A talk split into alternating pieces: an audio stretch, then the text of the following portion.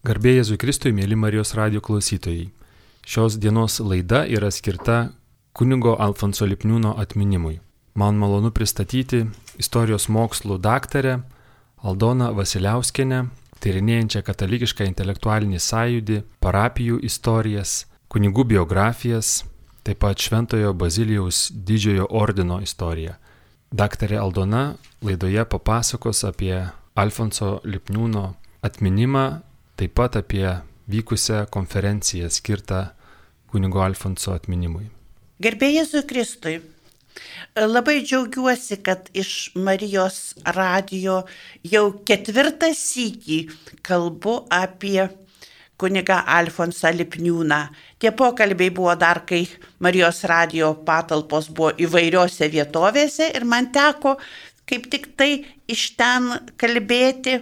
Kalbėjau ir ne viena, ir su monsinjoru Juozapu Antanavičiumi, kuris prisidėjęs daug yra prie Alfonso Lipniūno atminimo ir jo perkelimo, jo palaikų perkelimo į Lietuvą, bet apie tai dar bus kalbama savo pasisakymą, savo mintis skirtas Alfonsui Lipniūnui norėčiau pradėti maldos žodžiais, maldos, kurias parašė kunigas Stasys Įla, gerai pažinojęs Alfonsą Lipniūną ir buvęs prie jo paskutinėmis jo gyvenimo valandomis. Kunigas Stasys Įla rašė, viešpatie, bet tavęs neišauga joks gėris mūsų širdyje be tavęs nebūtų nušvitęs mūsų gyvenime ir Alfonsas. Visuose jis matė tavo gėrio žėrėjimą. Visus sveikino atviro širdies šypsniu. Jo žodis kaitino sielas sakykloje, guodė ir kėlė klausykloje. Jis kvėpė jaunimui Kristaus idealizmą, globojo šeimas, padėjo vargstantiems net įkalintas, nemažino savo alumo, dalinosi su visais paskutiniu kasniu, guodė, lankė ligonius, teikė išrišimą. Ir mirė jis kaip įkalintas apaštalas. Tai maldos, kurią parašė kunigas Stasys Įla žodžiai. Šitoje maldoje ir išsakytos kunigo Alfonso Lipniūno veiklos gyvenimo kryptys. Tiesiog priminsiu, labai gražios datos yra kunigo Alfonso Lipniūno gimime ir gyvenime. Tai 1905 metai ir 1945 metai. Kovo mėnuo ir prie gimimo, ir prie mirties. Tik tai dienos skiriasi. Taigi kunigas Alfonsas Lipniūnas gimė Talkonių kaime Pasvalio rajone. Lankė Pumpenų pradžios mokyklą, kurią baigė su pagirimu. Tada įstojo į Panvežio vyrų gimnazijos, bet jau trečią klasę. Ir ją baigęs mokėsi Kauno kunigų seminarijoje bei Vytauto didžiojo universiteto teologijos filosofijos fakultete. 1930 metais Alfonsą Lipniūną išventino į kunigus Kauno archyviskupas metropolitas Juozapas Kvereckas. Ir pirmasis paskirimas Panevežys. Jis buvo paskirtas į Panvežio katedrą antruoju vikaru, talkino klebonui Vladislavui Butvilai ir taip pat buvo paskirtas katalikiškų organizacijų instruktoriumi, jaunimo reikalų direktoriumi. Taigi nuo 30 metų iki kol išvažiavo į užsienį studijuoti į Prancūziją, jis važinėjo po Lietuvą, atlikdamas didžiulį darbą jaunimo srityse, skatindamas jaunimą dvasiniam gyvenimui, katalikiškai veiklai, globodamas jau tada uždarytus ateitininkus ir nuo šitos globos nekarta nukentėjęs. Jo dienoraštyje labai gražiai rašoma, aprašoma jo veikla, daug yra įdomių tokių ir jokingų faktų, kaip jį ten vyjosi to meto policininkai, kaip sekė, kaip stebėjo ir ne visada drįsdavo prieiti jam sakant arba kalbantis su jaunimu, prieiti ir sutrukdyti, nes Alfonsas Lipniūnas turėjo labai gerą iškalbą ir sekliai bei klausytojai buvo tiesiog labai jo iškalba, jo kalba, jo pasakytais žodžiais bei mintimis suintriguoti. Labai svarbus dalykai, kad 35, 37, vėliau 7 ir 39 metais jis studijavo Lilio universitete ir Katalikų institute Paryžiuje. Grįžęs jis tapo pedagoginio instituto lektoriumi Panvėžyje. Ir kartu su šituo pedagoginiu universitetu 39 metų jau rudenį, lapkričio 27, jis persikėlė į Vilnių ir čia Vilniuje daug bendravo su taip pat Dievo tarnu, paskelbtų Dievo tarnu archyviskupu Mečislovu Reiniu. Vilniuje Jis buvo pedagoginio instituto studentų kapelionas, pamokslininkas aušros vartuose ir šventų Jonų bažnyčioje. Labai svarbi jo veikla organizavo šalpą, steigė Laisvės fondą. Vilniaus kunigų seminarijoje archyviskupo Mečislovo Reinio prašymų dėstė sociologiją ir pastoracinę teologiją ir 43 metų kovo 16 dieną, taigi vėl kovo mėnuo, kovo mėnesį gimęs, kovo mėnesį miręs, o čia kovo mėnesį buvo suimtas gestapo, išvežtas į Kauną ir kartu su 46 suimtais inteligentais kovo 25-26 atvežtas į Študhofą. Taigi tas Štuthofas ir jo suėmimas labai svarbus buvo Lietuvai, Lietuvos istorijai, nes vienintelė Lietuvoje iš pabaltijos šalių nebuvo sukurti SS legionai. Tai labai svarbi Lipniūno veikla, jo pamokslai, jo bendravimas su jaunimu ir tiesiog jo kalba tai, kad negalima jaunimui stoti į svetimas kariuomenės ir svetimiems tarnauti. Dėl tokių jo pamokslų Lipniūnas, kaip ir kunigas Įla Kaune, irgi tokio pobūdžio pamokslų sakęs, buvo suimti ir išvežti iš Študhofą. Iš viso, kaip minėjau, 46 inteligentai Lietuvos buvo išvežti ir ten kentėjo lagerio kančias. 45 metų sausį prasideda koncentracijos stovyklos evakuacija. Lipniūnas su visais keliauja ir pasilieka Putske čia kovo mėnesį, kovo 28 miršta. Vietiniai Lenkai labai garbingai palaidojo kuniga Alfonsą Lipniūną, nes jau jis suspėjo užsitarnauti dėmesį ir pagarbą ir meilę vietinių gyventojų, todėl kad nepaisant siautusios šiltinės, nepaisant visų sąlygų, jis ėjo į ligoninės ir gydė sergančius, nebijojo jų gydyti, nebijojo e, jiems patarnauti, aišku, užsikrėtė ir pats nuo to. Lipniūno palaikai ilgą laiką buvo Lenkijoje ir tik tai 1989 metais didžiulės iniciatyvos ėmėsi kunigas Juozapas Antanavičius, kurį jau minėjau, kad perlaidoti tuos palaikus, Lipniūno palaikus, perlaidoti Lietuvoje. Šitas kilnus aktas buvo įgyvendintas rugsėjo 12, kada Lipniūno palaikai buvo palaidoti Panvežio Kristaus karaliaus katedros šventoriuje, ten, kur kažkada tikėjosi, kad jis bus perkeltas ir šviesios atminties vyskupas Paltarokas. Taigi Paltaroko tikslas, Paltaroko mintis išsakyta e, monsinjorui Juozapui Antanavičiui buvo įgyvendinta po daugelio metų, kai jau Lietuva artėjo į nepriklausomybę. Tai tokia trumpa biografinė pažintis, o dabargi būtina pasakyti tai, kad šie metai labai svarbus metai, kalbant apie tolesnį Alfonso Lipniūno įamžinimą. Dar 19 metais Liepos 9 dieną Seimas pritarė nutarimą, kad 2020 metus skelbti ateitininkų metais.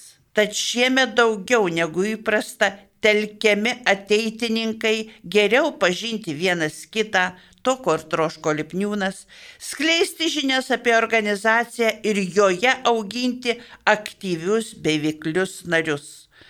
Tai yra paskata plačiau sužinoti apie ateitininkijos kūrėjus, jos vadovus.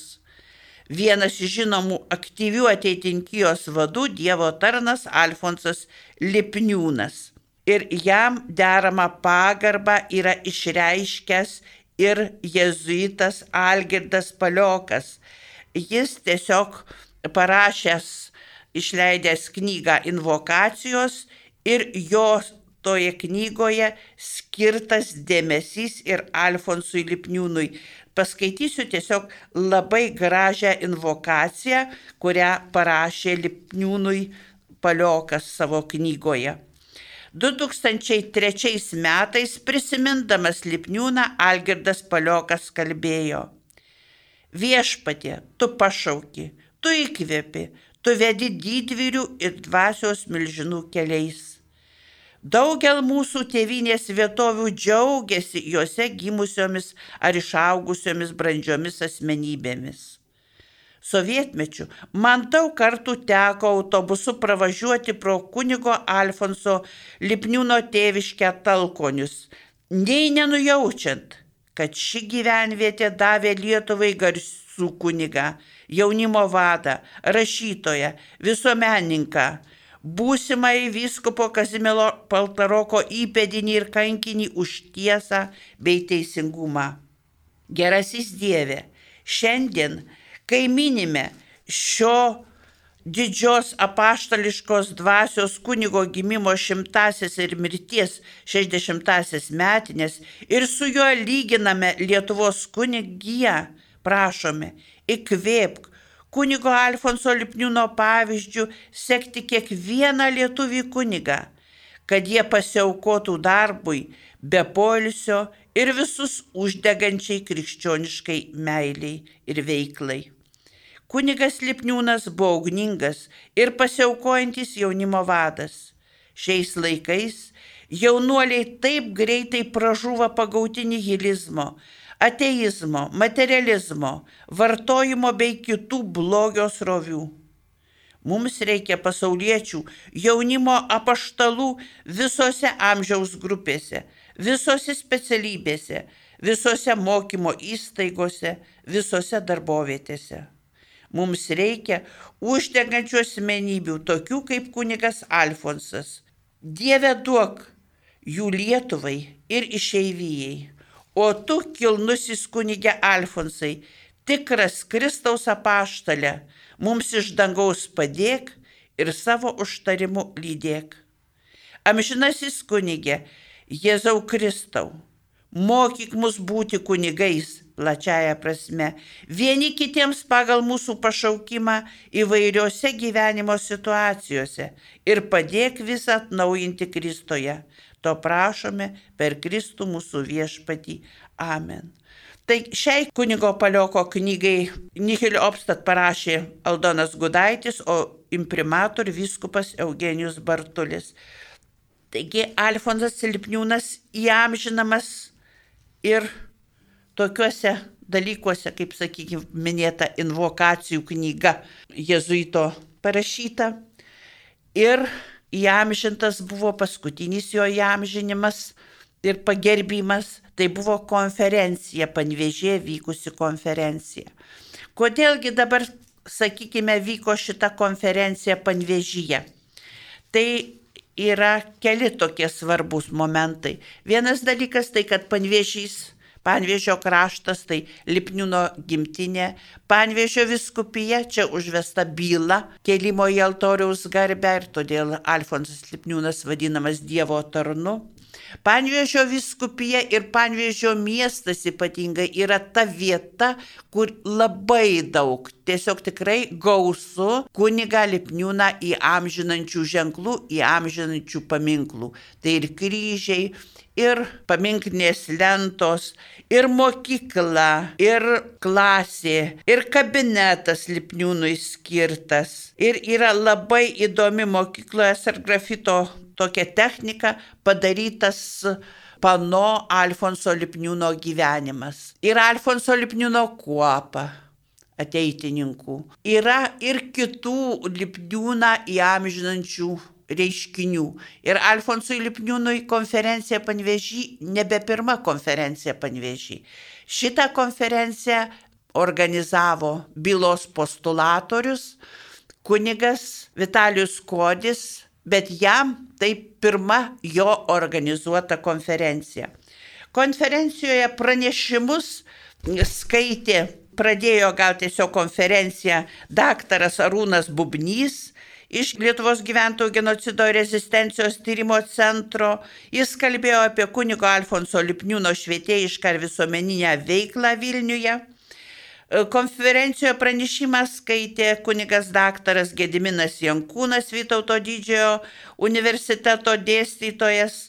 Jis pristatė tik ką pasirodžiusią knygą Lauko lelyjos, o jo tema vadinosi Lauko lelyjos dvasinis kunigo Alfonso Lipniūno testamentas.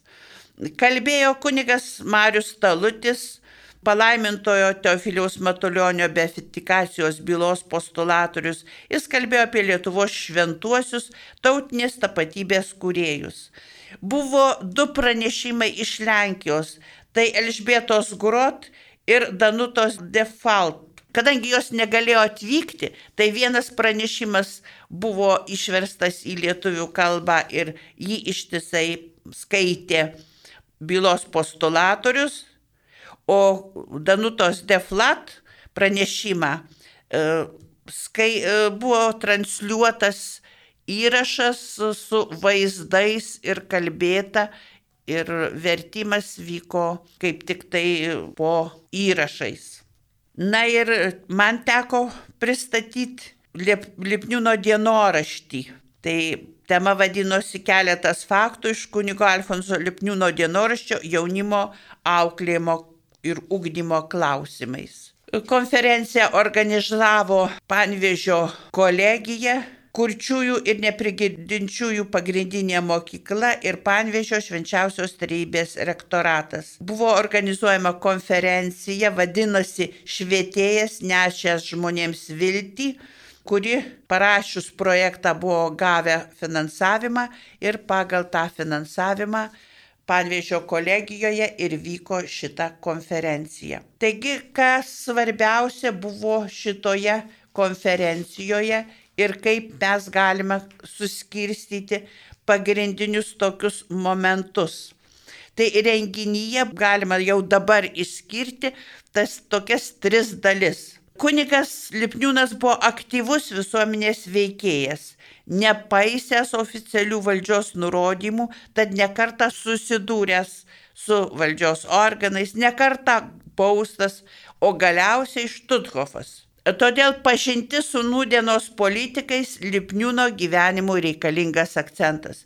Taigi konferencija ir pradėjo sveikinimais, e, konferenciją vedė Danutė Kriščiūnėje pačioj pradžioje ir pristatė sveikintojus, tai ir viskupą Vodopjanovą, ir Panvėžio miesto merą, Seimo narius ir kitus politikus. Tad politikų pasisakymai šitame renginyje buvo visiškai neatsitiktiniai, kaip sakiau. Tai tiesiog paliudijimas Lipniūno tokios aktyvios visuomeninės veiklos. Antras momentas tai buvo mokslinė konferencija, kur jau susakiau minėtus pranešėjus, skaičiusius pranešimus. Ir trečioji dalis šventos mišios. Taigi eita labai prasmingai nuo dvasininko kovotojo per susitikimą su politikais, išgirstas įvairias specialias mokslinės išvalgas prie sakralumo šventų mišių. Ir kokiosgi dabar pagrindinės temos buvo nagrinėtos, jau minėtos pagrindinės temos. Tai apžvelgti, analizuoti paskutiniai kunigo gyvenimo metai Lietuvoje, Štuthofe, Putske. Analizuotas, detalizuotas jo rašytinis palikimas, tik ką išleista knyga Lauko lelyje ir dienoraščio mintys. Ir Dievo tarnas liudytas Alfonsas Lipniūnas tarp kitų Dievo tarnų. Kunigas Gediminas Jankūnas paskui aptarinėdamas kiekvieną pranešimą labai išsamei, trumpai, konkrečiai vertino kiekvieną jų ir apie daktaro Arūno Bubnio pranešimą pasakė, kad kunigo Alfonso Lipniūno švietėjiška ir visuomeninė veikla pateikta taip, kad tiesiog smagu klausyti, nes mokslininkas pasaulietis į dvasininką Dievo tarną žvelgia iš gilių katalikiškų pozicijų. Šitas pranešimas Bubnio bus ateitie išspausintas 21 amžiuje. Krekenavo šventovės rektorius kunigas daktaras Gediminas Jankūnas, aptarnaujantis vadaktėlių bei jaupytės parapijas, Teologijos mokslus baigęs Čikagoje, teologijos licencijatas, teologijos mokslų daktaras, jo disertacijos tema įveikiant relativizmo diktatūrą ir šitos disertacijos pagrindu New York'e 2011 metais buvo išleista monografija skirta popiežiui Benediktui XVI. Tai pirmoji monografija skirta šiam popiežiui. Kunigas Gediminas Jankūnas yra Kauno kunigų seminarijos ir Vytauto didžiojo universiteto katalikų tikybos fakulteto dėstytojas, paskaitininkas, mokslinių leidinių kolegijos narys. Jos straipsniai spausdinti monografijose, straipsnių rinkiniuose. Nuo 1996 metų jis pranciškonų pasauliečių ordino narys, priklauso ateitininkų sąjūdžiui. Remiantis jo pasiūlytomis temomis organizuotos konferencijos Panvežio viskupijoje. E, kunigas Jankūnas pranešimu lauko lelijos dvasinis kunigo Alfonso Lipniūno testamentas klausytojus nuosekliai vedė nuo ankstesnio laikotarpio iki knygos lauko lelijos atsiradimo. Prie Lipniūno portreto Panvežio miesto kurčiųjų ir neprigirdinčiųjų pagrindinės mokyklos mokinės pamerkė lelyjas. Renginio pradžioje gestų kalba paskaitė ištraukas iš ką tik išleistos knygos, kuriai Nihil Opstat pasirašė kunigas Jankūnas. Ir labai svarbu paskaityti keletą ištraukų iš šitos knygos lauko lelyjos. Čia Lipniūnas rašo. Lietuva gali tapti tikra Jėzaus širdie žeme, Jėzaus globoje ir apsaugoje. Ir ji taps tokia, ji privalo būti tokia. Mes prašykim, prisiminkim, kaip Lietuva nuo seno buvo vadinama Marijos žeme. Prisiminkim, kaip Lietuvą senovėje Marija prikėlė iš kalvinizmo, pažvelgusi iš šiluvos Ir dabar šaukimės į Mariją, ji išgelbės mus. Niekas negali sumažinti jos galios ir jos gerumos, jei mes tikrai stengsimės būti geri. Taip rašo Lipniūnas savo lauko lelyjose. Kita citata apie liūdnumą ir apie mūsų maldas. Jis remiasi, primena Šventą Pranciškų Salezą ir sako, jei neskaityti nu, nuodėmės, tai nėra blogesnės blogybės už liūdnumą. Argi norėtum tokios blogybės? Ir jis primena, kad susirinkusieji kartais nutaiso, melsti susirinkusieji nutaiso tokį veidą, lyg norėtų Dievą išgazdinti. Todėl nebaidyklėmis turime būti, o mūsų ramumas, ryštingumas ir linksmumas turi vilioti Dievą ir žmonės. Tai čia vis citatos iš lauko lelyjų. Ir dar citatėlė. Atsimainę šventieji, atsimainę geri žmonės, atmainę kitus. Juos turim sekti, kalbėti yra per maža. Būtinai turim nugalėti save, o tuomet lengvai nugalėsim kitus ir palenksim juos Kristaus tarnybai. Taip rašė Lipniūnas, taip jis galvojo, taip jis mąstė ir taip jis dirbo. Jau pristatoma minėta tarptautinė konferencija, vadinama tarptautinė, todėl kad, kaip sakyta, buvo dvi pranešėjos iš Lenkijos negalėjusios atvykti dėl lygos situacijos dėl koronaviruso.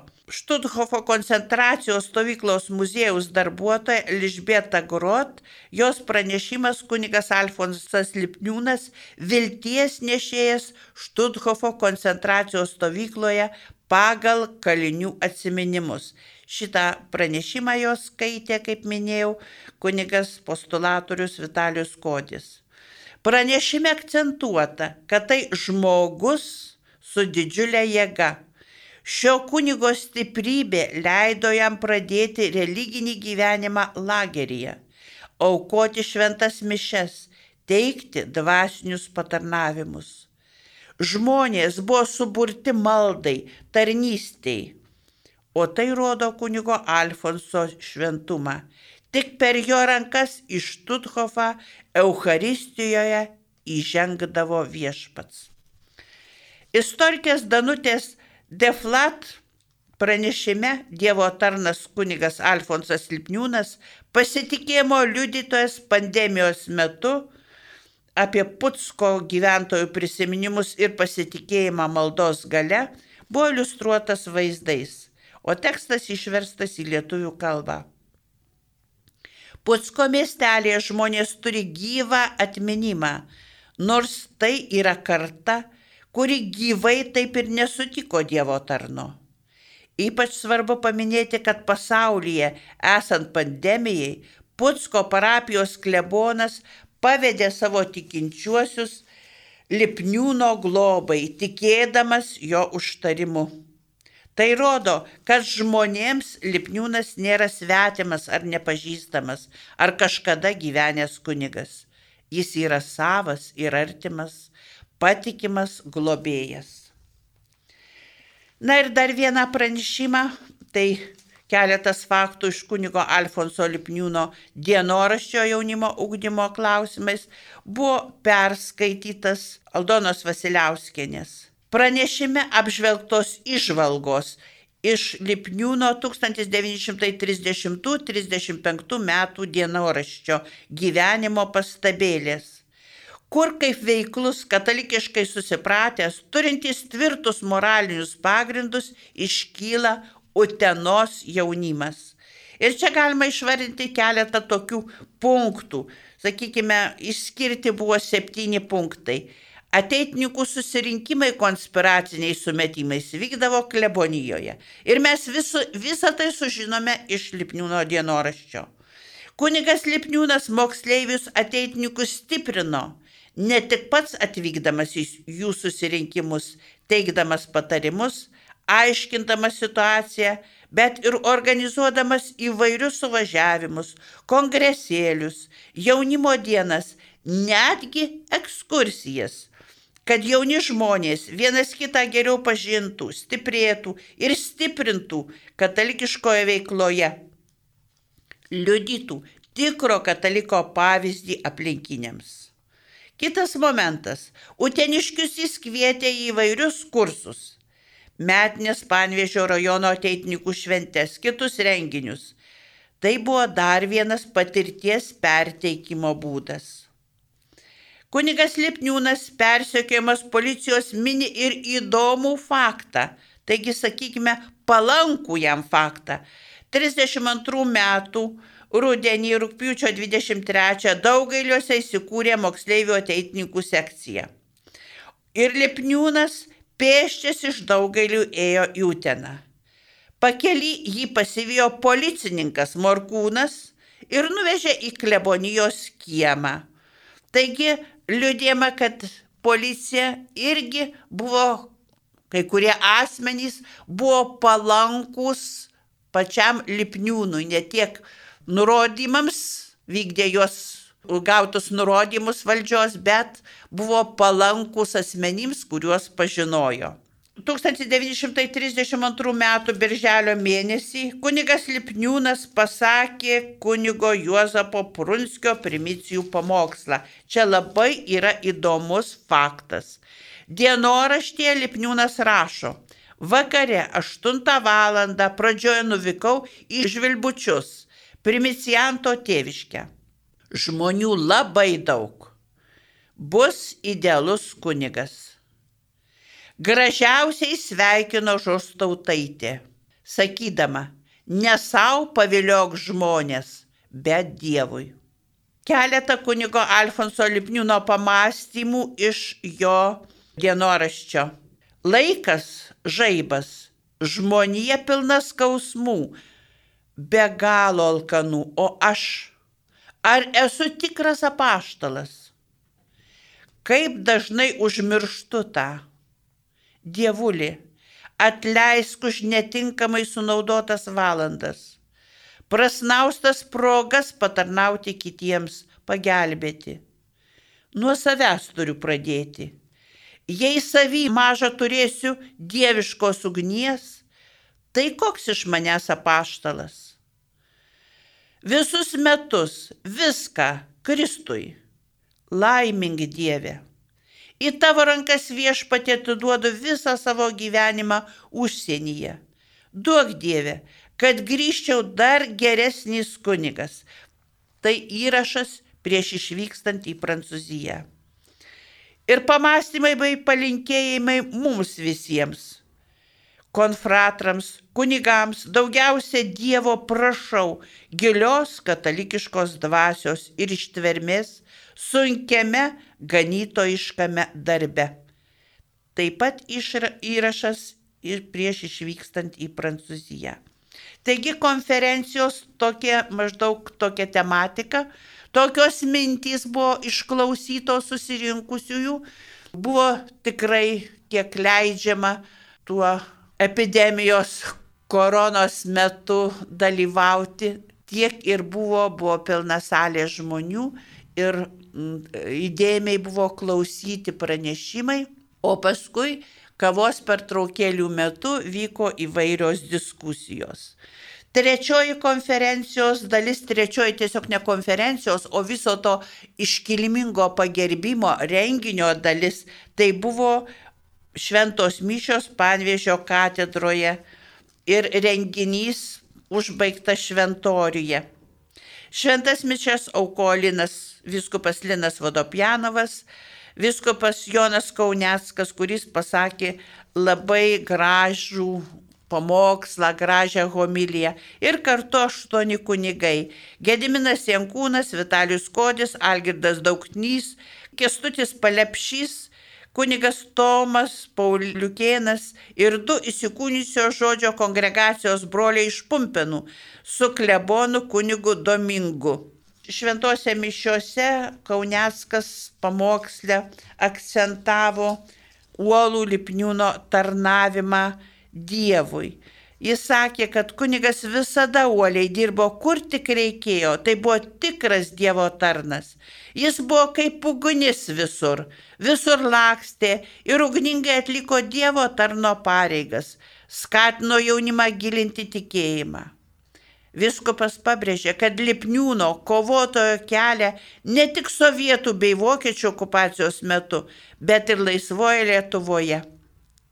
O ypač išskyrė Študhofą, kur laukiantiems mirties reikėjo vilties, reikėjo pastiprinimo.